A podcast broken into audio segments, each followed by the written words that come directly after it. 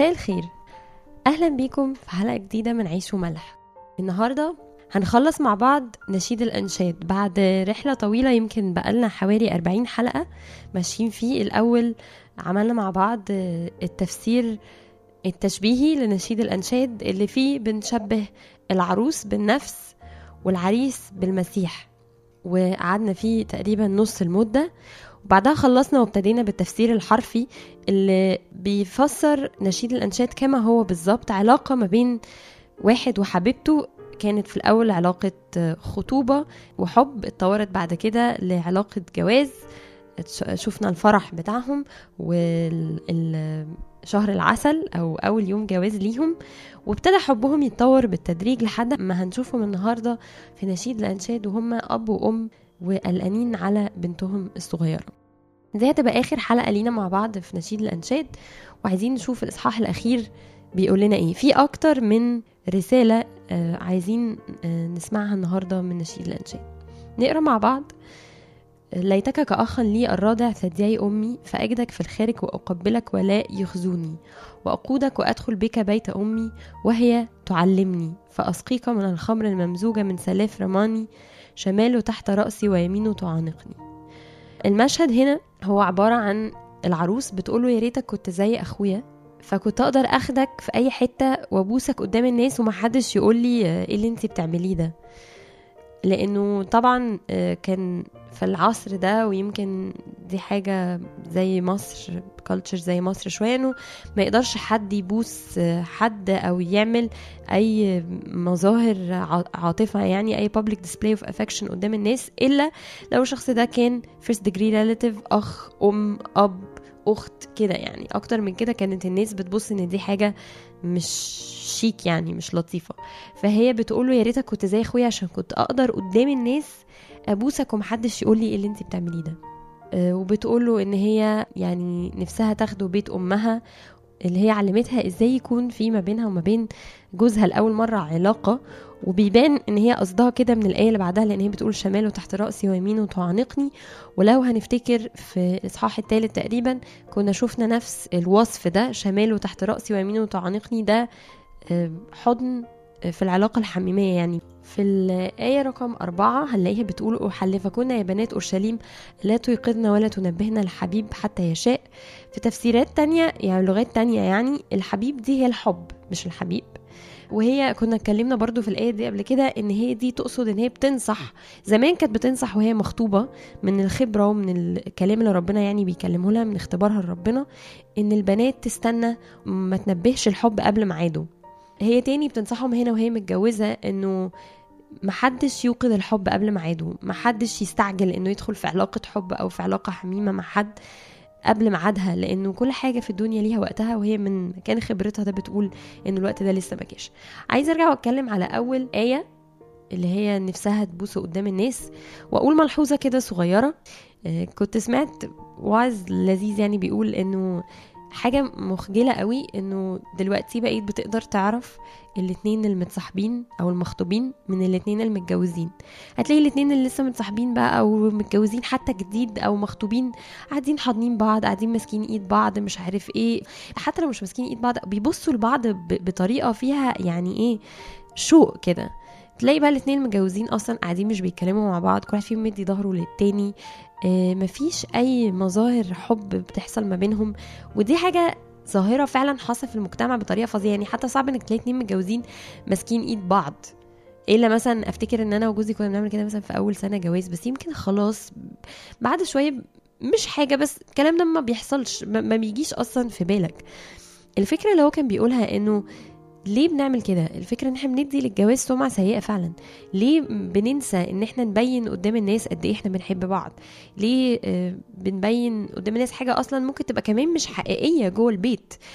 قال أنا نفسي كده كل واحد فيكم وهو خارج مع مراته أو أنت خارجة مع جوزك امسكوا إيد بعض احضنوا بعض خدها كده حط إيدك على كتفها. وبينوا خاتم جوازكم قدام الناس كلها امشوا قولوا للناس إحنا متجوزين. آه إحنا متجوزين ولسه بنحب بعض. حاجة مهمة قوي إن إحنا نبين إن الجواز ده مؤسسة ناجحة. إحنا مش بنكذب. إحنا فعلا في محبة كبيرة ما بيننا بس إحنا أوقات بننسى نبينها قدام الناس والناس بتقول آه بص بقى الناس المتجوزة بقوا عاملين إزاي؟ بنبوظ سمعة الجواز وإحنا مش قاصدين. فأنا نفسي إنه كل واحد فينا يبتدي يبطل يعني هل أنا بقول آه لازم كلنا نعمل public display of affection ونمشي طول النهار بقى نبوس ونحضن في بعض لأ مش بقول كده بس بقول إنه بقدر المعقول اللي فيه حكمة وأكيد أنتوا ك couple هتقدروا تقرروا إيه القدر المعقول اللي فيه حكمة.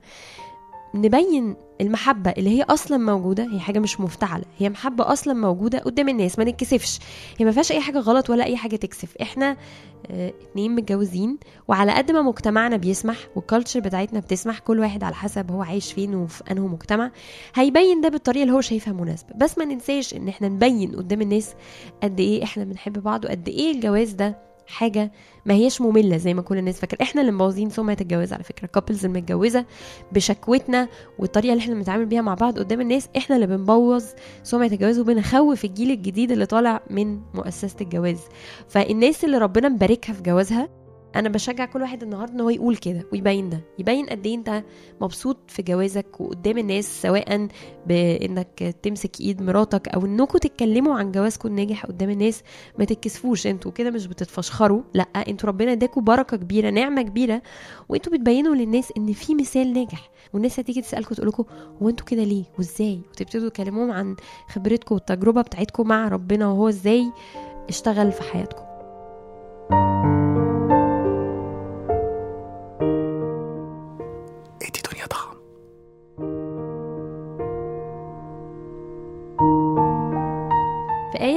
خمسة هنلاقي مشهد إن هي طالعة من البرية مستندة على حبيبها. فهم غالبا كانوا في مكان بيختلوا ببعض لأن إحنا زي ما قلنا ما ينفعش إن هم يعملوا الحاجات دي قدام الناس في الكالتشر بتاعتهم دي. فكانوا في مكان بعيد في البرية وهنلاقي إن هم حاضنين بعض هي سند عليه وهو غالبا حاضنها. فهم قد إيه بيحبوا بعض. بعد كده وهي طالعة من المكان ده بتقول له اجعلني كخاتم على قلبك كخاتم على ساعدك فاكرين إحنا كنا اتكلمنا على الآيات دي اللي فيكم سمع التفسير التشبيهي لنشيد الأنشاد كنا اتكلمنا عن المحبة. الآيتين دول واتكلمنا عن قوة المحبة وقد إيه حاجة جامدة. فهي بتقول له يعني عايزاك تختم عليا بالختم بتاعك أنا بتاعتك. إحنا بتوع بعض. وهو ده اللي بيحصل في الجواز إنه كل واحد من الاتنين بيوعد التاني إن هو بتاعه. آه خلاص ما بقيناش اتنين بقينا واحد. في نوع من أنواع الملكية الصحية يعني مش مش الملكية اللي هي السيئة بس اللي هو إحنا بتوع بعض. وعشان كده الملكية دي أو الختم ده بيولد غيرة برضو غيرة صحية. أوقات كتير بنلاقي الإنجيل بيتكلم عن الغيرة بتاعت ربنا تجاهنا لأن هو بيحبنا قوي فمكتوب كده. غيرة قاسية كالهوية. هي بتقول له غيرتي عليك من كتر ما أنا بحبك. قاسية قوي. غيرة مش اللي هي حب تملك يعني وأنانية. لا غيرة فيها محبة. غيرة مليانة بالمحبة. غير عليك بخاف عليك. عندي باشن تجاهك. لهبها لهيب نار. بعد كده بتقول له مياه كثيرة لا تستطيع أن تطفئ المحبة والسيول لا تغمرها. مفيش أي حاجة تقدر تهدي حبي ليك. وفي الآخر بتختم بتقول إن أعطى الإنسان كل ثروة بيته بدل المحبه تحتقر احتقارا بتقوله مفيش أي حاجة في الدنيا تقدر تبدل الحب اللي ما بيننا ده ولا فلوس ولا أي حاجة. ده هي كانت بتكلم سليمان أغنى واحد في عصره وبتقول له إنه كل الفلوس اللي عندنا دي تحتقر احتقارا في مقابل حبنا لبعض. وهي دي المحبة وقيمتها الحقيقية إن هي بتيجي فوق أي حاجة أرضية عندنا. مفيش أي حاجة في الدنيا تقدر تستبدلها. هل أي حد فينا يقدر يفكر في حياته من غير ناس بيحبها وبتحبه؟ ما أظنش إن هي تبقى حياة أصلا. تالي إن هي تبقى يعني نهاية. واحد هيروح ينهي حياته. ناس كتير بتنتحر من قلة الحب أو لأنها مش قادرة تستقبل حب الناس ليها. مش هغوص قوي كتير في تفسير الآيات 6 و7 دي لأن إحنا يمكن اتكلمنا فيهم باستفاضة قبل كده. نكمل مع بعض وهنلاقي في شخص جديد لأول مرة بيظهر ودي يمكن الحتة اللي أنا حابة أتكلم عنها. سليمان هو اللي بيتكلم بيقول لنا أخت صغيرة ليس لها ثديان فماذا نصنع لأختنا في يوم تخطب؟ إن تكن سورا فنبني عليها برج فضة وإن تكن بابا فنحصرها بألواح أرز. سمعنا قبل كده سليمان بيتكلم عن مراته إنها أختي العروس بيقول أختي العروس. فما فيش أي مشكلة إن الأخت دي مش شرط تبقى أخته بجد ممكن تبقى أي شخص تاني فالأخت ده مصطلح بيرمز للحميمية للحد يعني حد حميم قريب ليا مش بس أختي بجد. فهنا في تفاسير بتقولوا ده تفسير أنا مياله له قوي من لو خدنا إنه دي علاقة وبتتطور وبتكبر وفي النهاية هيورونا إن إن العلاقة دي والاثنين متجوزين دول بقى عندهم أولاد إن دي بنتهم. وإن سليمان بيتكلم عن بنته وإن هي خلاص بتكبر هنعمل إيه فيها ودي قربت تتخطب. وهرجع أفسر بالتفصيل وأتكلم أكتر عن آية 8 و9 بس عايزة أكمل معاكم للاخر الأول بتقول أنا سور وثدياي كبرجين حينئذ كنت في عينيه كواجدة سلامه. بتقول هي بقى ترجع تتكلم الأم اللي هي بقت دلوقتي أم شولاميت بتقول أنا سور وثدياي كبرجين أنا لما كنت في سنها وجيت يخطبوني جه حد كان ميعاد جوازي أنا كنت سور وثدياي كبرجين هنفسر يعني إيه ده لما نفسر آيات 8 و9 وفي الوقت ده لقيت سلام في عينه لقيت محبة في عينه حبني يعني. آية 11 و12 بتتكلم عن إنه سليمان كان عنده كرم وهي بتعمل مقارنة ما بين الكروم بتاعت سليمان وبين الكرم بتاعها هي الكروم الحقيقية والكرم بتاعها هي اللي هو جسدها وإنه جسدها ده كله لسليمان. وفي الآخر بتختم إن هي بتقول له اهرب يا حبيبي وكن كالظبي أو كغفر الأيائل على جبال الأطياب. بترجع وبتختم زي برضو ما كان مكتوب في آية 3 أيام ما كانوا مخطوبين وبترجعنا مشهد أيام ما كان الحب ما بينهم في عزه بقى يعني اللي هو ما قبل الجواز على طول قبل فرحهم لما كانت عايزاه قوي وبترغب فيه جامد جدا وبترجع تقول له أنا عايزاك يعني زي ما تكون بتقول عايزين نفضل زي أيام زمان والرغبة ما بيننا زي أيام زمان.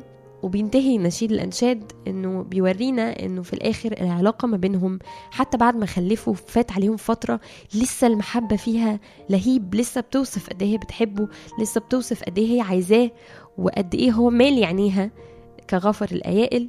فيعني أنا شايفة إن دي كانت نهاية مناسبة قوي إن هو يوريك إن على مر العصور الحب ما اتغيرش ال expressions والآيات اللي مكتوبة هي هي من يوم ما اتخطبوا لحد النهارده. ويمكن في وصفين من هنا من الإصحاح الثالث من وقت الخطوبة فبيوري قد إيه العلاقة لسه فيها نار وزي ما هما بيوصفوا حبهم لبعض.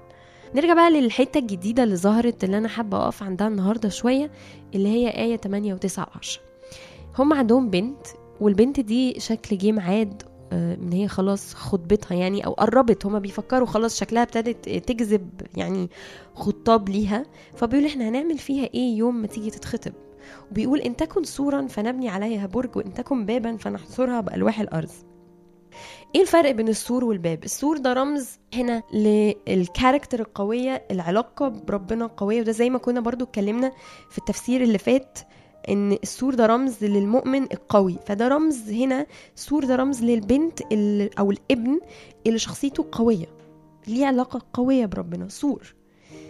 ولو هو سور هنديله كرامة وهنبني عليه أبراج من الفضة. فهو بيقول هي لو جت تتخطب وهي كانت علاقتها بربنا شخصيتها سور فاحنا هنوافق على الخطبة دي هنديها كرامة ونوافق إن هي لأن هي كده خلاص في نضج هي الناضجه لو كانت باب هنغطي عليها ونلفها بألواح أرز هنقفل عليها. وده نقطة بجد مهمة جدا. هنلاقي الأم بقى راجعة بعد كده بتقول أنا وقت في السن ده كنت سور واتبنى عليا برجين كبار. وقتها شفت في عينيك أو لقيت في عينيك السلام لقيت في عينيك الحب. فهي بتقول أنا عشان أتخطب ليك كنت سور كنت شخصيتي كبر نضجت كنت علاقتي بربنا ناضجة. وأكرموني وبنوا عليا برجين. هنا إحنا مش عارفين بنتنا هتبقى عاملة إزاي يوم ما, ما تيجي تتخطب. مش عارفين هي هتبقى سور ولا هتبقى باب. وكتير قوي بشوف في عصرنا ده الأمهات مستعجلة قوي أمهات وأبهات مستعجلين قوي إن هم عايزين يجوزوا عيالهم وبالتحديد البنات. culture البنت لو ما اتجوزتش هتعنس والحاجات دي. وده طبعا يعني شوفوا بقى culture الزمن بتاع سليمان كان أفظع من كده. كانت البنات بتتجوز وهي صغيرة شوفوا قد إيه. يعني بنت لو كانت قعدت لحد باين عندها 18 19 سنة كانت تبقى عنست لو ما كانتش اتجوزت في الزمن ده.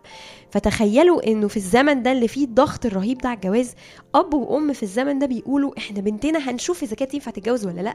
بناء على شخصيتها بنقول إن بنتنا لو نضجت في علاقتها بربنا ونضجت في شخصيتها بنت أو ابن الكلام ده ساري على الاثنين هنوافق إن هي يتقدم لها ناس تخطبها. ولو ما فيش نضج في شخصيتها وفي علاقتها بربنا إحنا مش هنوافق إن هي تتخطب إحنا هنقفل عليها.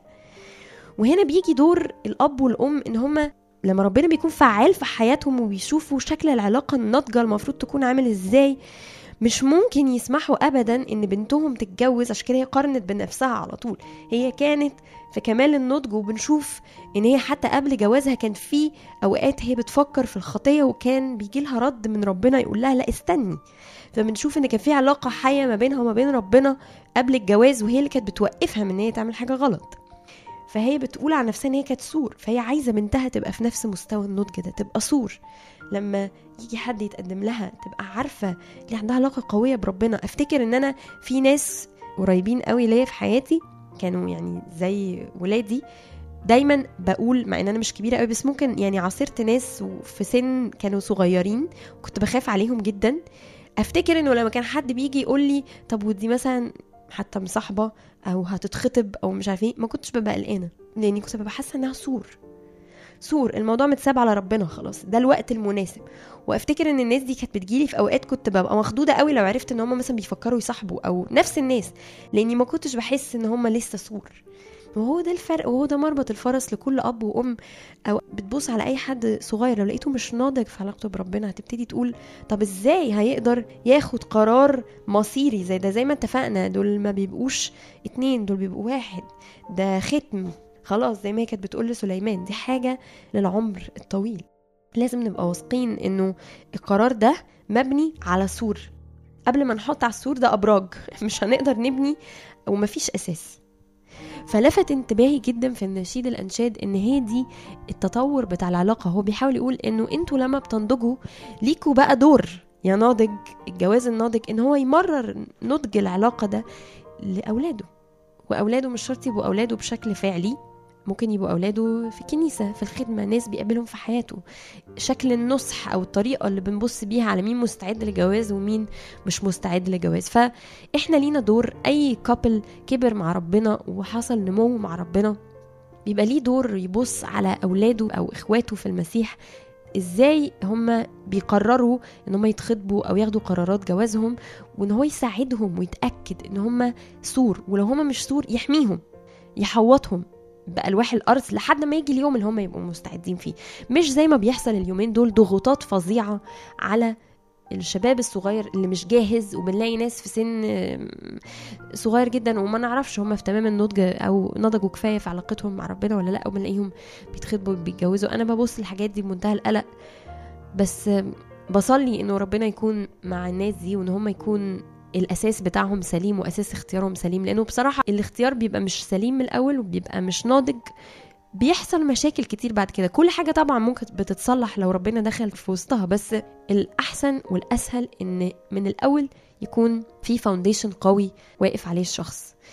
يعني الكلمتين دول بيجيبونا لنهاية نشيد الأنشاد الرحلة اللي مشينا فيها اللي بتنتهي بدور مسؤولية. ربنا بيسيب معانا رسالة مسؤولية إنه أنتوا كناس نضجتوا في علاقتكم ببعض وبيا. ليكوا دور بتلعبوه مع أولادكم وأولادكم دول بيرمزوا لأي ناس تانية بتقابلوها في حياتكم إنه تعرفوهم الأسس والطريقة السليمة اللي بيتبني عليها الجواز الناجح. أشوفكم بقى الحلقة الجاية ونبتدي مع بعض سفر جديد في الإنجيل.